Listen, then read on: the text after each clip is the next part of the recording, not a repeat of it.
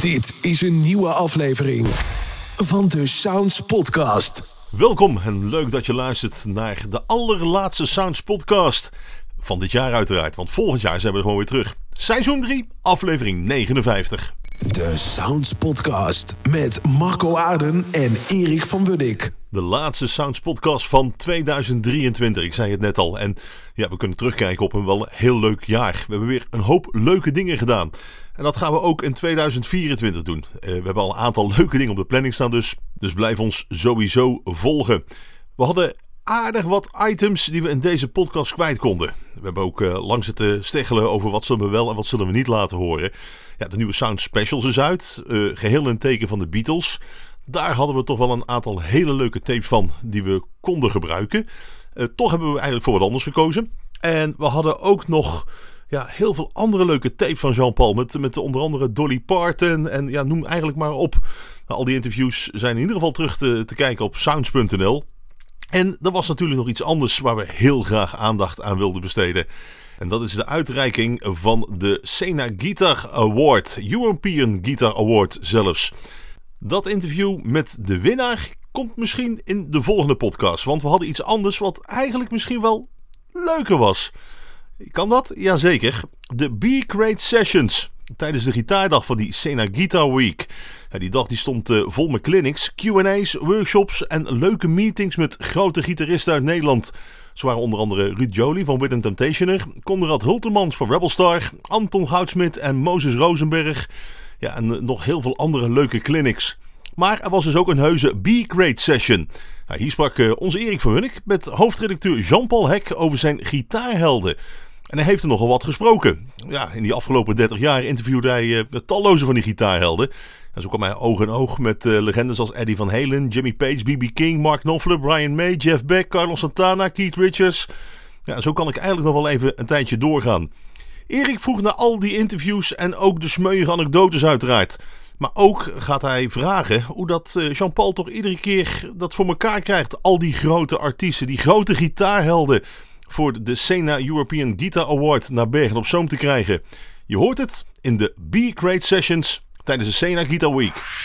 De Sounds Podcast. Mijn naam is Erik Verwunnik. Ik ben uh, uh, Chief Sound of Sounds van Sounds. Dat zijn drie keer woorden Sounds. Die, die ga je niet meer vergeten. Ik denk dat dat het belangrijkste is. Uh, naast me heb ik uh, Jean-Paul Hek, hoofdredacteur van, van Sounds. Ook een van de organisatoren van deze Guitar Awards en deze Guitar Week. Um, wat gaan we vandaag doen? We gaan het vandaag hebben over gitaarhelden. Uh, ja, ja, poeh. Ja, en dan, dat kan ook heel persoonlijk zijn. Ik heb zelf ook persoonlijk wel wat, uh, wat gitaarhelden. Uh, maar helaas heb ik ze niet allemaal gesproken. En jij hebt er heel veel gesproken, dus daar gaan we het zeker vandaag over hebben. Um, welke, welke mooie gitaarhelden, uh, welke persoonlijke verhalen daarbij waren, wie je hebt gesproken en wat voor hele toffe anekdotes hebt. Uh, maar natuurlijk ook over de Guitar Awards. Ik denk, ja, we zijn nu hier in, uh, in Berg op Zoom, in het Markiezenhof. Maar uh, het is sowieso bijzonder welke gitaarhelden er elk jaar eigenlijk wel weer... Nou, niet elk jaar, maar we hebben ook corona gehad natuurlijk. Ja. Eén, jaar over moet, één jaar over moeten slaan. Eén jaar over moeten ja. slaan, ja. ja. Um, die we allemaal hier naartoe halen. En daar willen we natuurlijk ook allemaal even weten hoe dat, hoe dat in zijn werk gaat. Um, ik wou eigenlijk even kort beginnen. Um, een van mijn grote helden...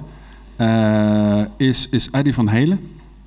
Ja. En wat ik het grappige vind is dat Eddie eigenlijk uh, uh, drummer is. Klopt, klopt. Maar omdat zijn broer beter was, is hij daarmee gestopt. En toen ja. is hij maar gitaar gaan spelen. Dan kunnen we zien hoe dat is afgelopen trouwens.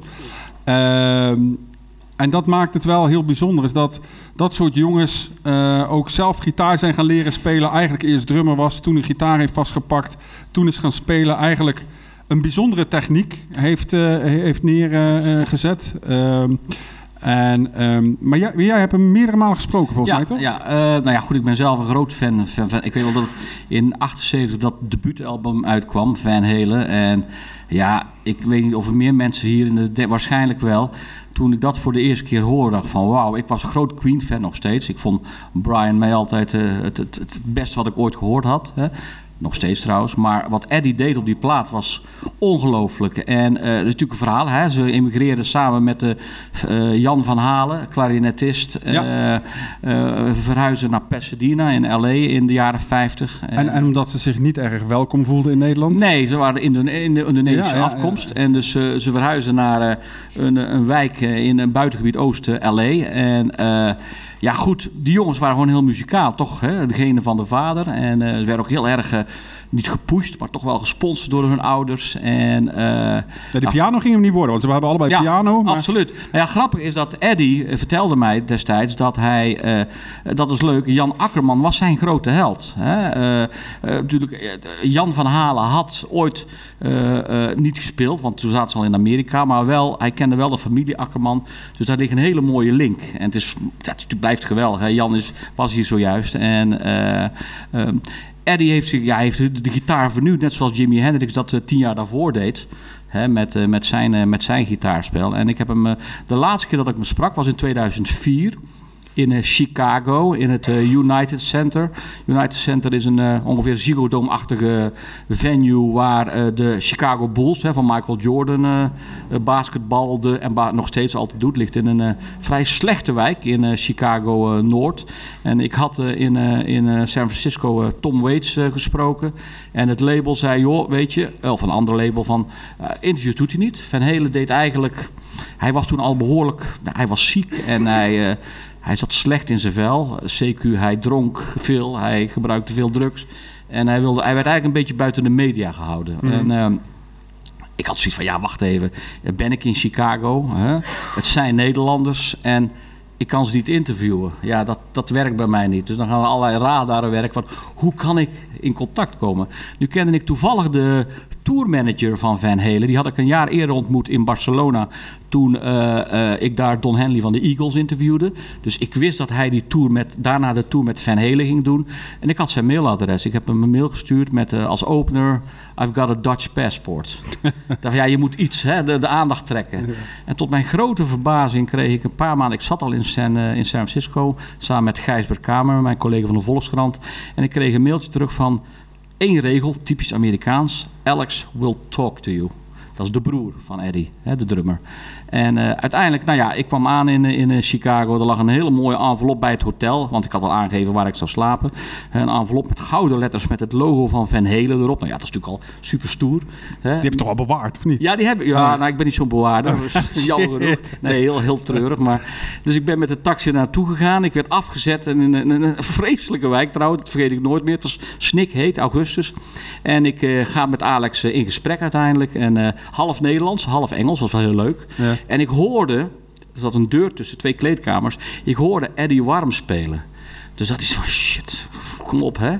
En uiteindelijk na een minuut of twintig, eh, die deur die, die slaat open. En hij staat in zijn blote lijf, alleen met een sportbroekje aan gitaar om zijn nek. En hij zegt, hey, kaaskop tegen mij. En met dat ook typische Indonesische accent wat hij heeft. Dus hij kwam erbij zitten. Nou ja, dat was eigenlijk wat ik hoopte. En uiteindelijk heb ik een uur lang met Eddie en Alex gesproken. En eh, ja, het was een heel bijzonder moment. Eh, het grappige is dat twee dagen daarna vlogen ze van Chicago naar New York om in Madison Square Garden te spelen. Daar is helemaal misgedaan, want Eddie heeft in een dronken bui een volle fles eh, champagne, kristalchampagne van een duizend dollar naar het hoofd van Sammy Hagar gegooid, de zanger van Van Halen. En die heeft op dat moment gezegd, als deze tour klaar is, wil ik nooit meer iets met jou te maken hebben. Dus ja, dat was wel een heel bijzonder moment, zeg maar. En grappig is, hij was toen eigenlijk al dronken tijdens het interview. Maar s'avonds speelde hij de, ja, de sterren van de hemel. Echt ongelooflijk. Ja, daar hebben veel van die beroemde gitaristen wel last van. Hè? Als ze dronken zijn, dat ze kunnen spelen. Ja. Want volgens mij kan ik me wel eens een verhaal herinneren van Steve Lukather. Steve Lukather. Ja, Ja, nou ja, die, die, eh, die, die ook echt klopt. als een aan het drinken was. En, Nou ja, een mooi verhaal. Eh, Niels Sean, gitarist van Journey, eh, die sprak ik in San Rafael een tijdje geleden. En hij zelf heeft een tijd in L.A. gewoond. En ze hadden een clubje Stappers, noemden ze dat. En dat was Niels Sean, Steve Lukather, Nile Rodgers. En als Jeff Beck in L.A. was, Jeff Beck. en mij bellen ze dan niet. Nee, nee. En die gingen daar met z'n vier of vijf gingen ze stappen. En eh, je praat echt over de jaren tachtig, hè, de tijd van... oh ja, eh, dan snap ik het. veel cocaïne, veel drank en dit en dat. En dan gingen ze naar de Baked Potato, een bekende club in LA, in, eh, in, in Holly, West Hollywood. En ehm, dan kwamen ze binnen en dan moest eh, Steve Lukather met, wat, met Vinnie Kelly Utah, grote muzikanten spelen. En dan verwelkom, hij was zo dronken dat hij hun niet eens herkende. Het was nog voor het optreden. En, dus hij, hij rommelde, hij stommelde naar het podium, pakte zijn gitaar, speelde een uur lang de sterren van de hemel. En stapte daarna weer stomlazers van het podium af. Hij, hij, hij, hij viel ook nog van het podium Hij viel af? van het podium, Ja, ja. echt ongelooflijk. Ik heb Steve Lukert er daarvan naar, naar, naar gevraagd. Hij zei, ik geloof je gelijk, zei hij. Dus ja, ik bedoel... eh, maar Niels John was net zo erg, want die vertelde mij dat hij op een gegeven moment eh, naar, terug naar San Francisco... eh, hij woonde in de buurt van Golden Gate in, in Sausalito. Ja. Dat hij een mooi huis had in de bergen en dat hij op een ochtend was hij afgezet na een optreden. En hij had zo'n huis op trapjes en toen was hij bij zijn voordeur is hij naar beneden gerold, stomdronken. En toen heeft zijn dochter hem de volgende ochtend gevonden, zijn dochter van 14. Hij zei, dat was voor mij het moment, ja nu moet ik afkicken. Ja, dat kan ik me wel voorstellen. Ja, ja. Ja. ja, bijzonder. Ehm, ehm, een stapje verder maken. eh, De Blues Boy. B.B. King. B.B. King. Die, Ja. die, volgens mij kon je die niet echt veel betrappen met drank op, of wel? Nee, of, nee, die kon ik alleen betrappen met een laptop eh, waar hij eh, op, eh, online op aan het gokken was. Oké. Eh, B.B. King was een gokverslaafde. Hij, hij natuurlijk een jongen die opgroeide in Indianola in Noord-Mississippi. En hè, een, zoon van een katoenplukker. En uiteindelijk in Memphis groot werd. Hè. Als je de Elvis-film hebt gezien, dan Ja. zie je ook dat hij op een gegeven moment voorbij komt. Hij was ook een beetje de mentor van Elvis. En eh, ik heb hem meerdere keren gesproken. Eh, de eerste keer was in eh, het Duitse Gronau. Ik was samen met een, een collega uit het noorden. En we zouden eigenlijk afzonderlijk van elkaar hem interviewen. En uiteindelijk werd besloten dat we het samen moesten doen. Dat ben ik altijd vreselijk, maar goed. Dus ik had, hè, Harry was een wat oudere collega. Dus ik zei, joh, stel jij de eerste vraag. En hij, Harry was erg gespannen. Dus hij kijkt naar B.B. King en hij vraagt de vraag... Can white man plays the blues? En, oh, dat is, eh, want dan wordt een rassending. En terwijl King op zijn laptop staat, hij doet zijn brilletje af... You say what? oh, nee. Dus ik probeerde het nog een beetje te downsize. Van, nee, hij bedoelt, I know what he means. dus toen kwam er een hele tirade richting Harry... dat blues niks met huidskleur te maken heeft. Wat natuurlijk volledig Is terecht is. Ja, dat, dat zie je in die Elvis-film, vind ik dat ook. Absoluut. Ja, ja. Dus, eh, eh, nou ja, Harry droop halverwege het interview af. Die was helemaal gedesillusioneerd. Maar eh, ik heb later, in 2012, werd zijn museum. Als je ooit een keer een muziekreis doet door Mississippi, Tennessee, ga er langs. Het is een fantastisch museum. Werd ik uitgenodigd door zijn manager om bij de opening te zijn. Toen heb ik nog met hem gegeten, samen met zijn, eh, met zijn familie van eh, ongeveer 19 kinderen. dus, eh, maar ja, weet je, B.B. King is in mijn ogen een van de aller, aller... We hebben het natuurlijk altijd over Jimi Hendrix, Jimmy Page, Jeff Beck. in mijn ogen is B.B. King misschien wel de allerbelangrijkste. Hè? Ja, ja, ja. Heel goed, heel goed. Heel goed. B.B. King of ons? Oké. nee. Heel goed. Eh, Maar B.B. King, ja, weet je, eh, een, een heel mooi mens. En hij woonde ook in zijn laatste jaren woonde hij ook in Las Vegas. Hij woonde in een hotel. Had hij een vleugel, had hij een huur eh, afgehuurd. En dan komt hij gewoon midden in de nacht hij gokken. naar beneden om lekker te gokken. Dus ja. Ja, nou ja, hij heeft al zijn geld er doorheen gejast, denk ik. Nou, volgens mij niet, Nee? maar, nee, Misschien kon hij goed gokken. Hij is wel eens een keer in Roosdagen geweest, weten jullie dat? In de kring. Dat was een, een, een serviceclub was daar, de Lions volgens mij. En die hadden de wens om B.B. King te boeken. Maar Alleen ze hadden 100.000 euro nodig. Of gulden nog, ik weet niet. Gulden was die tijd nog. Maar ja goed, want 100.000 gulden wil hij wel optreden. En dat hebben ze bij elkaar gekregen. En Dus B.B. King stond op een eh doordeweekse avond in de kring. Dat vergeet ik nooit meer. Ja. Ja, dat zijn wel mooie verhalen. Ja, ja. Dat zijn wel inderdaad mooie verhalen. Maar volgens mij, eh, B.B. King, want je hebt ook de, de B.B. King Blues Clubs. Zo'n wereldwijde... Ja, eh, er zijn er twee. geweest of Je niet? had er eentje in New York, die is, eh, die is gestopt. Die, eh, ik was toevallig in september nog in, in, met Leo Blokhuis in, in, in Memphis. En uh, zijn we toevallig bij de BB King. Ik was er eigenlijk nooit binnen geweest, het is de eerste keer. En je denkt dat het heel commercieel ook is, wat het ook is. Maar daar stond werkelijk een fantastische band te spelen. Ja, maar dat is het. Is het. Jongen, jongen, jongen. Echt wat je bij ons in heel Nederland eigenlijk niet tegenkomt. Je ziet het ook afgelopen vrijdag was Living Color in, in Gebouw T. En ja, je mag het niet zeggen, maar dan zie je het niveau van zo'n Amerikaanse Ah, is band. Dat is toch van een andere orde. Ja, maar eh, dat zeggen ze ook wel over dat soort bands. En zeker met die gitaarjongens. Ja, het is ook heel veel uit Engeland en uit Amerika. Ja. Die maken geen muziek, die trainen echt. Hè? Die trainen. Die klopt. zijn echt elke dag, elke minuut ermee Ja, bezig ja. om, dat, eh, om dat succes te maken. En elk detail klopt, hè? en dat is natuurlijk belangrijk. Hè? Ik bedoel, hè, dat weten, dat weten de mensen van gebouw T ook. Hè? Het moet, hè, bij zo'n act die komen binnen en eh, weten heel. We hebben de Guitar Awards. Ik weet al dat wij in 2016 de Guitar Awards naar Bergen haalden samen met eh, Gert-Jan destijds en Gerlof en, en de, destijds de wethouder Arjan van der Wegen. Hè, dat was natuurlijk best een, zeg maar, een transfer van Amsterdam naar Bergen op Zoom. En we hadden die Steve Five als eerste winnaar. Alleen Steve nam zijn hele band mee. En dat is natuurlijk het ding. Een man die normaal in Avas Live staat, die kwam hier met zijn tourbus aan, met zijn hele productie. Op het Wilhelminaveldje. Ja, voor, om voor een half uurtje even te spelen. En ja, dat is ook voor een gebouw T natuurlijk een uitdaging. En zeker in het begin, toen bestond het niet zo lang. En je ziet nu bijvoorbeeld afgelopen vrijdag hè, dat dat al heel smooth en soepel gaat. En, en dan zie je ook dat zo'n zo'n show heel makkelijk loopt en zo. En dat ze ook met een heel tevreden gevoel... Ik sprak Fern uh, zaterdagochtend nog eventjes. En die had met een heel fijn gevoel zeg maar weggaan. Ja, dat moet je hebben. En Nou ja, dat, dat vind ik, dat maakt me ook. eh, Dat is niet omdat Gert-Jan hier in de zaal zit, maar dat maakt me ook wel trots dat, dat dit soort acts. Hè, eh, aanstaande vrijdag staat Wishbone Azure, vanavond staat Denko Jones er.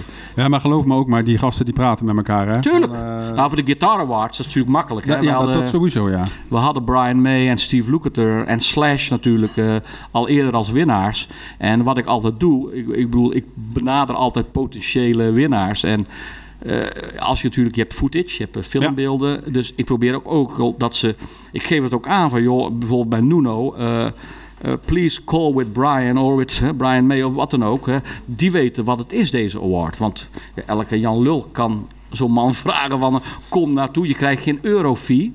Ze krijgen geen, eh, geen eh, fee. Het is echt voor de eer.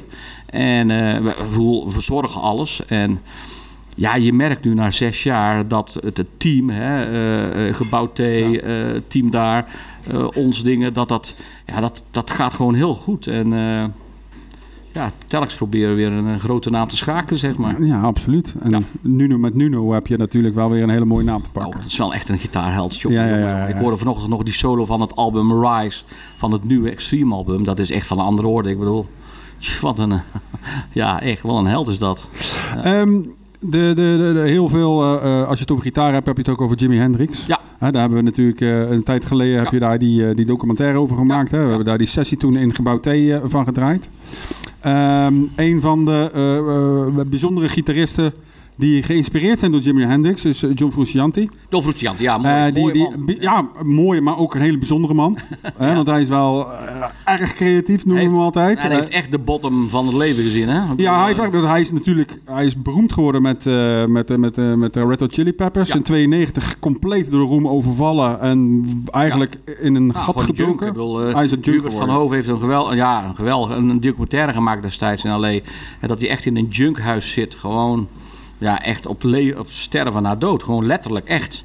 En eh, heeft zich toch uiteindelijk herpakt. En eh, hè, met de hulp van een aantal vrienden van hem. En eh, is uiteindelijk teruggekeerd bij de Red Hot Chili Peppers. Ik weet nog wel dat hij het album Californication, ken je waarschijnlijk wel, een prachtig album. En de plaat daarna, Stadium Arcadium, heb ik, heb ik Frusciante in, eh, in L.A. geïnterviewd. In eh Chateau Marmonte, een van de bekendste rock'n'roll hotels, kasteeltje op Sunset Boulevard. Ja. Het grappige is, dat gaat altijd zo. Je, een bepaalde tijd krijg je. Dus de band kwam aanrijden. Eerst kwam de bassist aanrijden, Flea, in een Bugatti. Open Bugatti met alleen zijn onderbroek aan. En zijn blote lijf. En eh, hij komt aanscheuren. En hij gooit ook letterlijk de sleutels. Daar staat natuurlijk zo'n bellboy. Die gooit ook echt zo naar die jongen toe. Springt uit die auto en loopt naar binnen. Nee, ik kom daar ook nooit mee weg met Nee. dat soort dingen. Hij wel. Ik wil dat wel eens zien, Erik. En jij gooit in onderbroek. maar goed. Eh, nee, ik ben een beelddenker. Ja, ja sorry. Ja, ja. Eh, uiteindelijk komt Frusciante aanlopen. En die heeft dus gewoon een schoolpakje aan. Met een strikje en een blazer aan. En een- echt zo'n zakenkoffertje. Het was 35 graden. Eh, haar in een knotje. En eh, nou, dat vond ik al fantastisch. En ik heb, moest zowel Flea als hem interviewen. En met Frusciante ga je gelijk de diepte in. Hè. Ging gelijk over ILO, Electric Light Orchestra, over Pink Floyd. eh. Ja, het is een pracht mens. En ik vind het een van mijn favorieten. Ik zou hem ook heel graag een keer als, hier, als gitaar. Hij van de jonge, jongere generatie, Jack White en John Frusciante. Maar mogen we jou dan uitdagen nou? Ja, zeker. Ja? Altijd. Je moet het gewoon proberen. Ja, ik probeer het. Maar je krijgt vijf jaar. Oh, nou, dat is, eh, is haalbaar. is haalbaar. Eh, eh, over toevalligheden, want als je hem zou kunnen strikken, zou toevallig zijn, vind ik wel het, het verhaal van, van Jimmy Page. Ja. Ehm, die is gitaar gaan spelen omdat zijn ouders verhuisden. Hij in een huis terecht kwam en daar een gitaar achtergelaten was. En hij pakte die gitaar en is toen gaan pringelen eigenlijk. Wist ik niet eens. Nou, Wat mooi. ja, ja, soms moet je ook research doen, hè? Kom en, en, en, maar dat, eh, hij is zelf gaan pringelen en is toen eigenlijk een heel beroemd sessiemuzikant geworden. Klopt. Heeft daarna met heel veel partijen Ja, eh, Yardbirds samengespeeld. en dingen, ja, ja, ja. ja, de Yardbirds, maar eigenlijk maar twee jaar natuurlijk. En Ja. daarna eh, een verplichting, omdat de zanger wegging aan de bassist, moest hij. Die laatste verplichting in Scandinavië zeg maar afmaken. Heeft toen aan eh, Plant en volgens mij, ik weet het uit mijn hoofd John Bonham. Ja, John Bonham. ehm, eh, gevraagd van eh, wil je meegaan? En uiteindelijk kwamen ze terug en is Led Zeppelin geworden. En eigenlijk is Jimmy Page een legende natuurlijk voor heel legende. veel. En Niet alleen als Maar gitarist. toevallig, want als, hij, als zijn ouders nooit verhuisd waren, was hij misschien in een huis terechtgekomen waar een piano stond Ja, of zo. klopt. Dan was het iets heel anders gelopen. Ja, ja, mooi dat soort verhalen. Hè? Ja, hè? Toevallig. Groep, en, en, eh, eh, ik heb Jimmy ook, eh, een aantal jaar geleden kwam de re-release van Zeppelin platen uit. En Ja. ik heb Jimmy, dat was grappig, ehm, heel veel van die platen zijn opgenomen in de Olympic Studios in Londen. Legendarisch studio, buiten Londen ligt die. De Who, de Stones, heel veel grote bands. eh Hendrix trouwens ook, hebben daar opgenomen. En hij wilde daar, voor de interviews wilde hij een playback doen van de nieuwe mixen van Led Zeppelin platen. Alleen Jimmy is stokdoof. Dus Oh, die, die, ja, we zaten daar met twintig journalisten. Een soort, het is nu een soort bioscoop geworden. En die boksen gaan aan. En ja, werkelijk. Iedereen zat meteen zo van... Zo belachelijk. En hij zat op een stoel, op een podium in zijn eentje. En hij zat echt gewoon zo. Terwijl die boksen achter hem stonden. Dus A, hij vond Ja. duidelijk hoe doof hij was. En ja, op een gegeven moment zei een journalist van, eh, van de Mojo, Engelse Mojo... Please, keep it, keep it down of bring it down. En toen werd het iets zachter gezet. En eh, uiteindelijk heb ik hem een dag later geïnterviewd. En eh, ja, een hele bijzondere man. Heel aardige man. Eh, ook een beetje wantrouwend. Twee jaar later zouden ze in, met Led Zeppelin spelen in de Ja. O2. In, eh, in, in dingen, in de, in de O2. En ik, ik werd naar Engeland gestuurd om Page en John Paul Jones te interviewen. En ik had twee weken daarvoor heel toevallig in Istanbul Robert Plant gesproken. Over een soloplaat. Dus, dus ik kom binnen en ik vertelde dat aan, eh, aan de heren. Van joh, ik, ja, twee weken geleden zat ik al met Plant in dingen. En toen gingen ze mij uithoren wat hij had gezegd over die reunie. Dat vond ik heel apart. ik zei, ja, sorry, maar ik zei, luister. Hè, uiteindelijk is dat een le- Misschien kennen jullie hè, de, de, de, de, de optreden, hè, die fantastische optreden in, eh, in de O2 met de drummer van eh, de zoon van John Bonham. En, ja, en ook daar, daar was toch wel Jimmy toch wel de ster van de avond. Want hij speelde nog steeds de sterren van de hemel. En we waren een paar jaar geleden heel dichtbij dat hij hier naartoe zou komen. Hè, eh, dat is al vaker gebeurd, ook met Jeff Beck. En, en toen was hij in één keer met het project begonnen, waardoor het op de lange baan werd geschoven. Dus ja, ik zou Page wel heel, heel graag hier willen hebben. Nou, dan kom ik ook. Ja, ik denk het ook. ik denk, ik denk met, jou vijf- 50.000 andere mensen. Hey, ehm, eh, eh, wat we ons niet beseffen is dat eh, de, de, de Nederlandse muzikanten eh, best wel invloed hebben op, eh, op wat er gebeurt in de wereldwijde muziekwereld. Hè? Je had het net al over Eddie van Halen, geïnspireerd. Klopt, klopt, klopt. maar Angus Young woont in Nederland en komt aan zijn vrouw door Ja, Adje van den Berg. Ellen, ja, ja klopt. Want ja. die dacht, dit zijn kleine mannetjes. En het is wel super grappig om een hele lange vrouw. Dus in, in, dat was eigenlijk het hele idee achter. 1,85 jaar. Zij was 1,85 en Engels is natuurlijk heel klein. En die zat in het voorprogramma van ACDC. En die had Ellen uitgenodigd. Ja, En in één keer waren ze getrouwd. Getrouwd. Nou, zo snel was het niet. Klopt, maar, na die, maar dat is wel heel grappig. Ja, Ellen was de ex van Benny Jolink ook daarvoor. En eh, eh, ik een paar jaar geleden deze interviews in Düsseldorf. kwam het album Rock or Bust uit. En eh, ik kwam binnenlopen en dat zat dus bij, de, bij de deur zat een, ja, een blonde dame. En je zag, ik, ik wist niet hoe zij eruit zag. Maar ze zag er zo Nederlands uit. Dus ik zei, jij bent Ellen? Ja, dat ben ik. Dus eh, ze zat er gewoon bij, bij de interviews. En het is een grappig koppel, want hij is echt... Een, ik ben niet groot, ik ben eh, nog geen 1,70, maar hij is letterlijk 1,48 of zo. Oh, echt, het is echt, het is echt zo. Ja. En ja, en, eh, dus en hij, ja, hij, rookt continu. Tijdens interviews. Dat vond ik heel. eh, dus ik zei van ja, eh, hoe vind je dat zelf? Al die, eh, die rocksterren die, die dan afkicken en daar een heel een plaat om maken. Hè? Bijvoorbeeld Aerosmith. Hij zei held nazi's, zei hij dan zo. In Duitsland. Maar goed. eh, nou ja, weet je, Angus ook. Hè, hij woont, heeft een huis. Hij woont ook een prachtige eiland in de buurt van, eh, van Sydney. Maar hij heeft een heel mooi huis in Aalten. Als je ooit in Aalten bent, rijdt er doorheen. eh, dan zie je in midden in de hoofdstraat een, eh, een huis dat net zo groot is als Markiezenhof. Eh, en, daar, en hij schijnt, als hij in Aalten is, dat hij elke ochtend met een spartasje naar de spar gaat om daar sigaretjes te kopen. Dus eh, als je echt fan bent, ga een keertje op de loer liggen, dan eh, kom je misschien wel tegen. Ja. Ja, wat dat betreft wel een hele bijzondere, bijzondere man. Weet je trouwens waarom hij dat, dat pakje aan heeft? Ja. ja, dat weet ik wel, maar dan mag Ja? jij vertellen. Ja, dan, dan, ga ik, dan, weet ik of ik, of ik... Mag jij checken of het verhaal klopt? Nou ja, Zoals ik, het Ja? eh, eh, eh, heb onderzocht, is dat hij ooit verteld heeft van... hij kwam thuis van school en eh, had hij zo'n had hij een schoolpak aan en dan ging hij, altijd, ging hij altijd op zijn gitaar spelen. Maar hij wilde gelijk van school wilde hij gitaar spelen. Maar ze hadden natuurlijk altijd zijn schoolpakjes aan. En omdat hij zich dus comfortabel voelt met zijn gitaar, met dat schoolpakje, heeft hij nooit meer uitgedaan. Nee, klopt. Klopt. Ja, klopt het? Ja, klopt. Oké, nou. Ja, want zijn broer, eh, Malcolm, want er is altijd nog steeds het idee dat Angus de leider was van ACDC. Dat is niet het geval. Malcolm, ik heb ze ooit met z'n tweeën geïnterviewd in eh, Londen. Dat is de enige keer dat ik met z'n tweeën heb gesproken. En Malcolm is echt, was echt de bas in de band. En dan de man die de gitaar is verzon, die eh, concert bedacht. Ik weet wel. Maar ook heel down to earth. Want ik zei op een gegeven moment van... joh, jullie hebben 200 miljoen platen verkocht, hè? Maar ik, zei, ik, wil niet lullig doen. Maar als ik jullie kleding zie... dan lijkt het wel of je hier bij de, de plaatselijke eh Primark hebt gekocht. En... eh en zei hij, ja, that's true. Oké. Dus, eh, dus op een gegeven moment, dus Malcolm staat op. En hij zei, loop even mee. Dus we lopen naar het raam van het hotel. En hij doet, hij op. En daar stond dus een, echt een oude Volvo van zeker 30 jaar oud. Hij zei, that's the only car I have, zei hij. Dus echt bizar. Hij zei, het enige wat we doen is met z'n tweeën gewoon eh, in, de, in onze garage gitaar spelen. Dat kunnen we dagenlang doen met z'n tweetjes. En eh, dat is het. Ja, en ik vind, ik vind ze ook wel, als ik toevallig eh, net de gitarist van Rhythm Temptation hoorde, die zei van ja, eh, 5% van de meest bekende nummers bevatten een gitaarsolo, maar de rest is, is vaak slag en is, is ritme.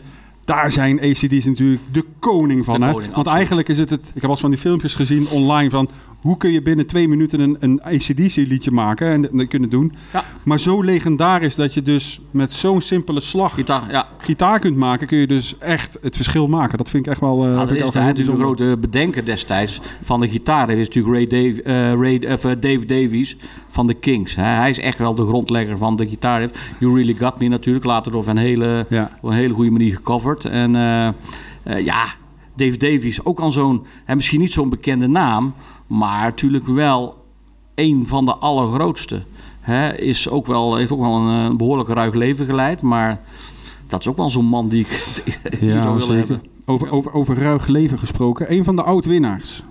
Mr. Slash. Slash, ja, ja, ja. ja. Die, de, eh, enige, de enige winnaar die niet live speelde tijdens de award. Oh, En dat is, ja, hij, het grappige is, eh, we deden destijds het. Het is een heel raar verhaal. Ehm, de, hadden de Eddie Christiani Award in, eh, in Zeeland, hè, in het Arsenaal. En uiteindelijk de provincie die besloten om ja, terug te trekken. Ze hadden andere, dat GAFA-bestuur, Ja. stoppen ermee. En ik had toevallig een paar maanden daarvoor Slash gevraagd om hè, of die ja, de award zou willen accepteren. En een half jaar nadat het besluit in Zeeland was genomen, krijg ik een mailtje van een manager van. eh, we hebben eh, jouw vraag gezien en Slash vindt het leuk. Dus hij wil de award in ontvangst nemen. Dus toen moesten we heel snel, heb ik met Sena gebeld, heel snel die award weer eh, optuigen. Maar het moest wel in Amsterdam gebeuren, want hij speelde in de Heineken Music Hall, een Oh, ja, was live. Dus toen hebben we met Sounds, eh, hè, natuurlijk mediapartner van Ziggo Dome, met Danny Daman, de directeur destijds, heel snel geschakeld. We hebben het in de Club Ziggo gedaan. Alleen hij wilde niet spelen. Dus dat was echt wel een ding, moeten we dit wel doen? Maar ja, slash. Hè? ja, op zich wel, ja. Dus uiteindelijk was het een mooie avond. Hè. Hij heeft de prijs ontvangst genomen. Een jaar later hadden we nog Walter Trout en toen is naar Bergen gegaan. En het grappige is dat ik eh, een drie jaar of drie later het Slash interviewde in Washington. En toen heeft hij zich geëxcuseerd voor het feit dat hij daar niet speelde. Wat was er gebeurd? In de week dat hij die award kreeg, eh, kwamen de, ont- de scheidingspapieren van, Oh eh, ja, van nog. zijn vrouw waar, binnen. ja. En was hij de helft van zijn vermogen kwijt. Dus eh, hij, hij was niet zo in een hum om daar ook nog eens le- leuk te, te gaan spelen. Dus hij excuseerde zich namens Slash aan de organisatie. En dat hij het ooit nog een keer gaat goedmaken. Dus nou ja, laat hem maar naar Bergen op Zoom komen. Ik vind het een prima idee. Eh, eh, trouwens, wist je dat, dat, dat Slash ooit ook begonnen was als basgitarist? Nee. Ja, die, moest, die had een bandje opgericht met een vriend van hem.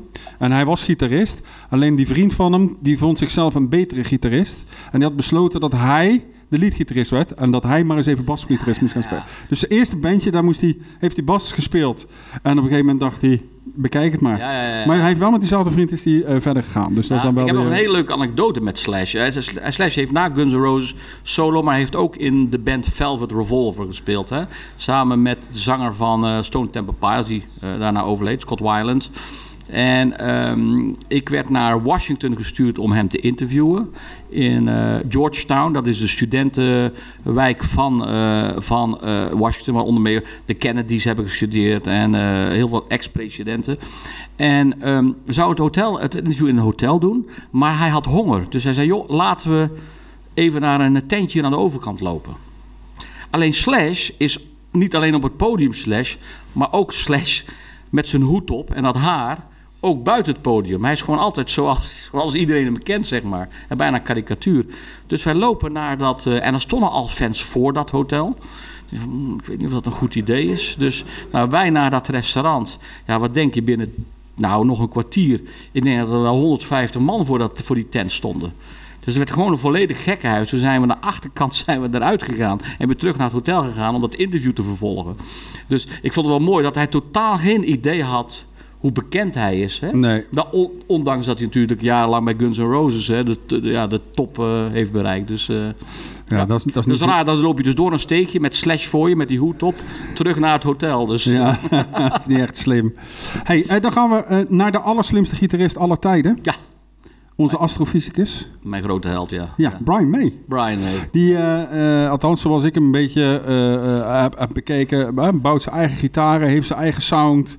Eh, Een hele, hele bijzondere man. Ook heel rustig volgens mij. hè? Een rustige man, beschaafd man. Echt, eh, echt Engels, heel Engels is hij. En ehm, we hebben hem destijds in... eh, ik weet nog wel, het is ook eigenlijk het moment dat ik betrokken werd bij de Guitar Awards. Ehm, ik weet wel dat eh Cor de Jonge, hè, de oprichter van de prijs destijds... Steve Lukather had gehaald, natuurlijk een grote naam. Maar ja, daarmee leg je wel de lat meteen Ja. hoger. Ja. Dus Cor belde wij op een gegeven moment van... joh, eh, ja, wij zitten eigenlijk een beetje vast, want... We willen na Steve Lukather een andere grote naam. Hè. Kan je ons een beetje helpen? Ik zei, nou ja, goed, ik heb contact is een groot woord, want met die mensen heb je natuurlijk niet dagelijks contact. Maar waar ik wel een, een directe lijn heb, is Brian May en Mark Knopfler van Dire Straits. Dus ik zei, ik kan het gewoon eens proberen. Hè. Ik kan gewoon eens het manager van, eh, van Queen eens, eh, vragen. En eh, uiteindelijk heeft Brian toen ja gezegd. Wat ja, dat was echt van wauw.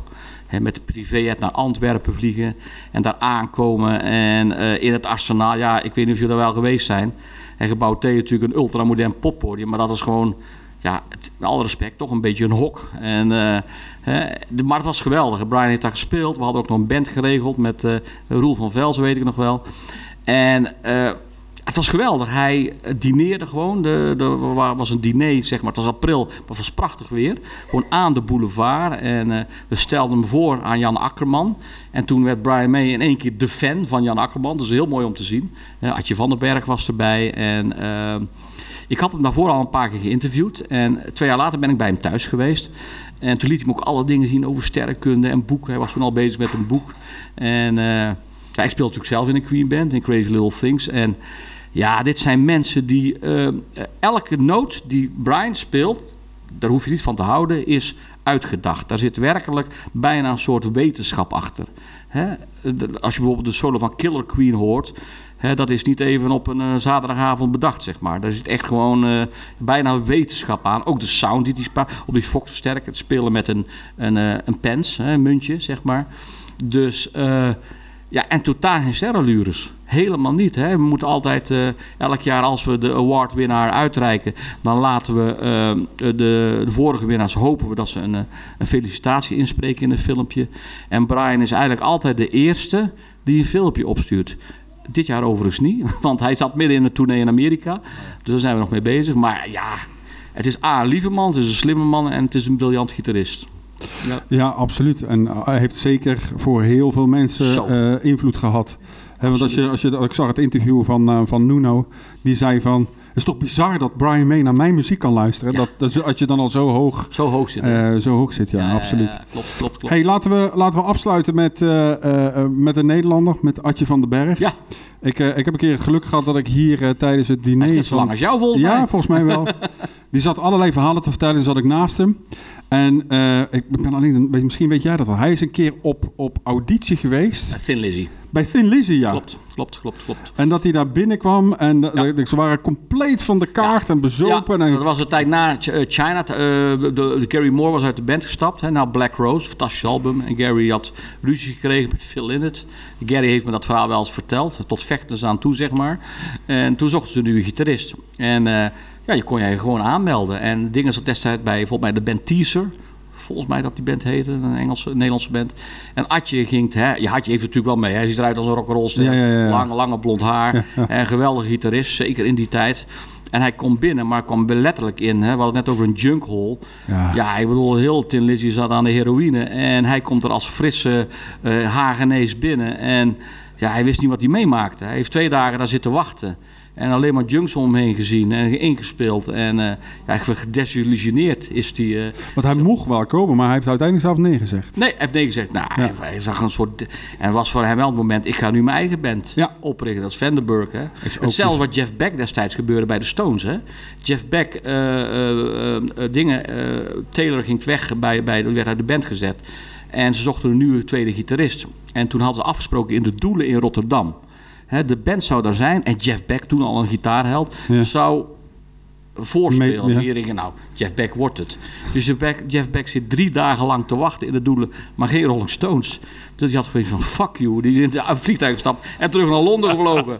van, hallo. En later heeft Mike Mick het wel goed gemaakt door op eh, Primitive Cool, het album wat in de jaren 80 uitkwam, in de Wisseloord Studios in Nederland met eh, Jeff Beck te werken. Maar eh, ja, dat was ook zo'n mislukte auditie, zeg maar.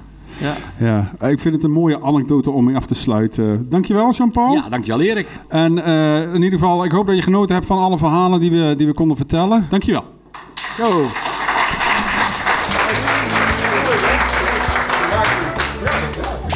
Een opname uit het archief van Jean-Paul Hek. Met meer dan 4000 tapes. De Soundstapes.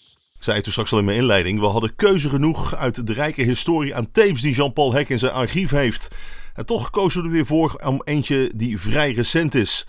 Ray Davis van The Kings. Het is een absolute legende in eigen land. En volgens hem had hij, samen met zijn band, op hetzelfde voetstuk moeten staan als de Beatles en de Rolling Stones. Maar hij is er weer barstig om in het gereel van de media te lopen. Tenminste, dat zegt hij zelf in een zeldzaam en exclusief interview met Jean-Paul Hek. Nou, Jean-Paul die sprak hem openhartig. En een gedeelte van die opname laten we je nu horen in deze tapes. Hello there. Paul. Yes, that's me. Hi. How have you been, Mr. David? Because we talked a few years ago when you released your last uh, solo album. We had a long talk about that. I remember. Yes, yes. And how is it? How was it for you to to make this beautiful collection you did on uh, on the Journey Part Two uh, uh, album? Because it's beautiful done. I think also for you a, a kind of journey eh, to to the time and the songs you wrote in uh, in that period. Yeah, we didn't want to put out a collection of things without another theme to it. Mm-hmm. Yeah. And I got the guys all picked tracks and made comments on the tracks. Uh, what I did, I got the comments together and I did a little play, a short play. Mm-hmm. which for solo performer. And that went really well. Yeah, for you, because there was a lot to choose from. Eh? If you're going to the songs, do that period. Um, what was important for you to choose the right songs? Because uh, uh, it, it, it, it's, it's, it's going through a well respected man to uh, uh, uh um, uh, the, the, the, the, hits, songs like Two Sisters, uh, the Preservation song. So there's a lot of diversity in, in the songs you choose for this collection. Yeah, there are some songs that have to be there. You really got me was at the beginning of the journey. And uh, there are some that like two sisters. They chose themselves a little plot. The line of this, we had Mick Avery's comment. Nobody really asked Mick about the song.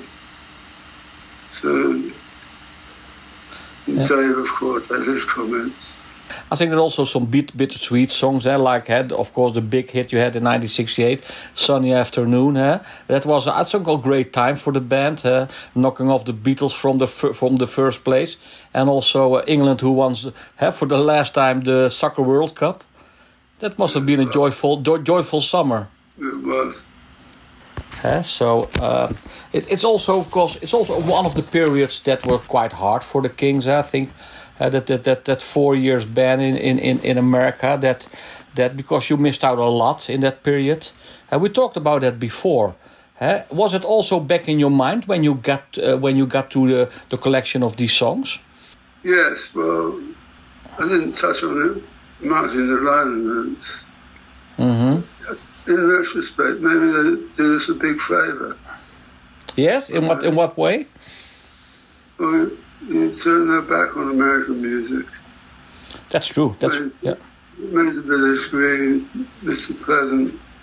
I think yeah, it's it's a period that you make the most beautiful music that everyone made. I think those period between 1966 and, and 1974, I think that array of albums was quite stunning huh, you produced in that period?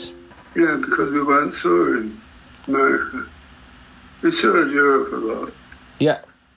Holland, the Netherlands, and many shows, Germany, France.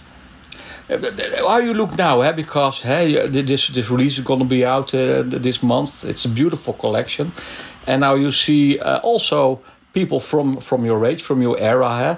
like the Rolling Stones eh, with their new album.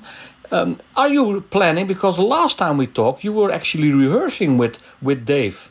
I was. Yeah, is it still going on, or? We've never been good at rehearsing. No. no. Not, not, disciplined enough. Not disciplined, I know. No. Uh, Dave is always good to, to get first take in the studio with Dave. But there's maybe that, that you're gonna play together. Is there any chance of doing that, or? When he came up last night and we had a beer, that's a start. That's a start. That's a good start, always. Yeah.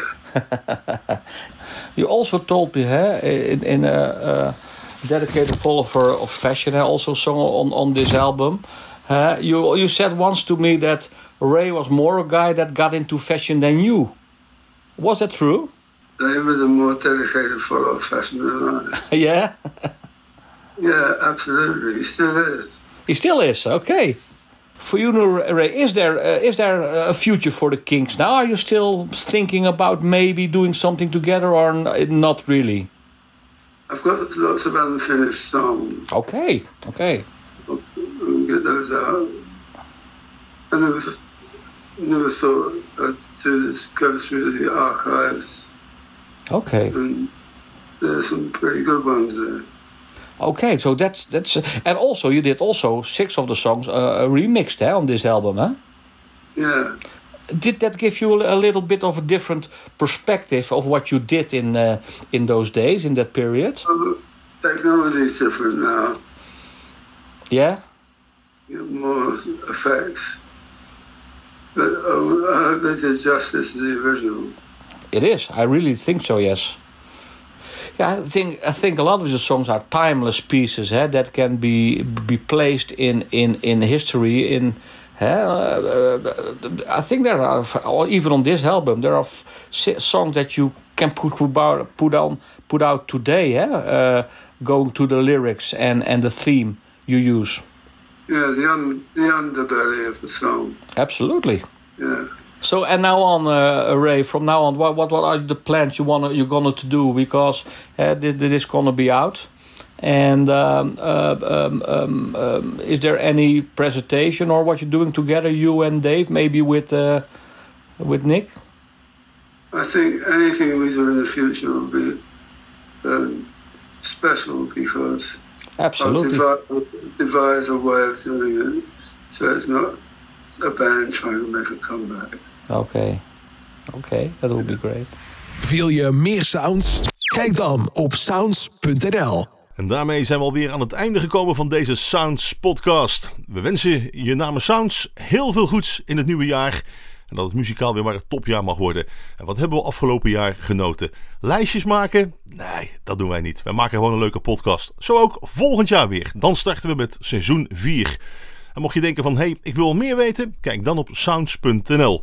Abonneer je in je favoriete podcast app om geen aflevering te missen. En luister ook eens naar Sounds Radio, want daar hebben we ook aardig wat leuke muziek voor je klaarstaan die we 24 uur per dag aan je laten horen. Hoe kan je luisteren? Kijk op sounds.nl. Fijne dagen, een mooi nieuwjaar en tot volgend jaar. De Sounds Podcast. Podcast. Now, music makes sense.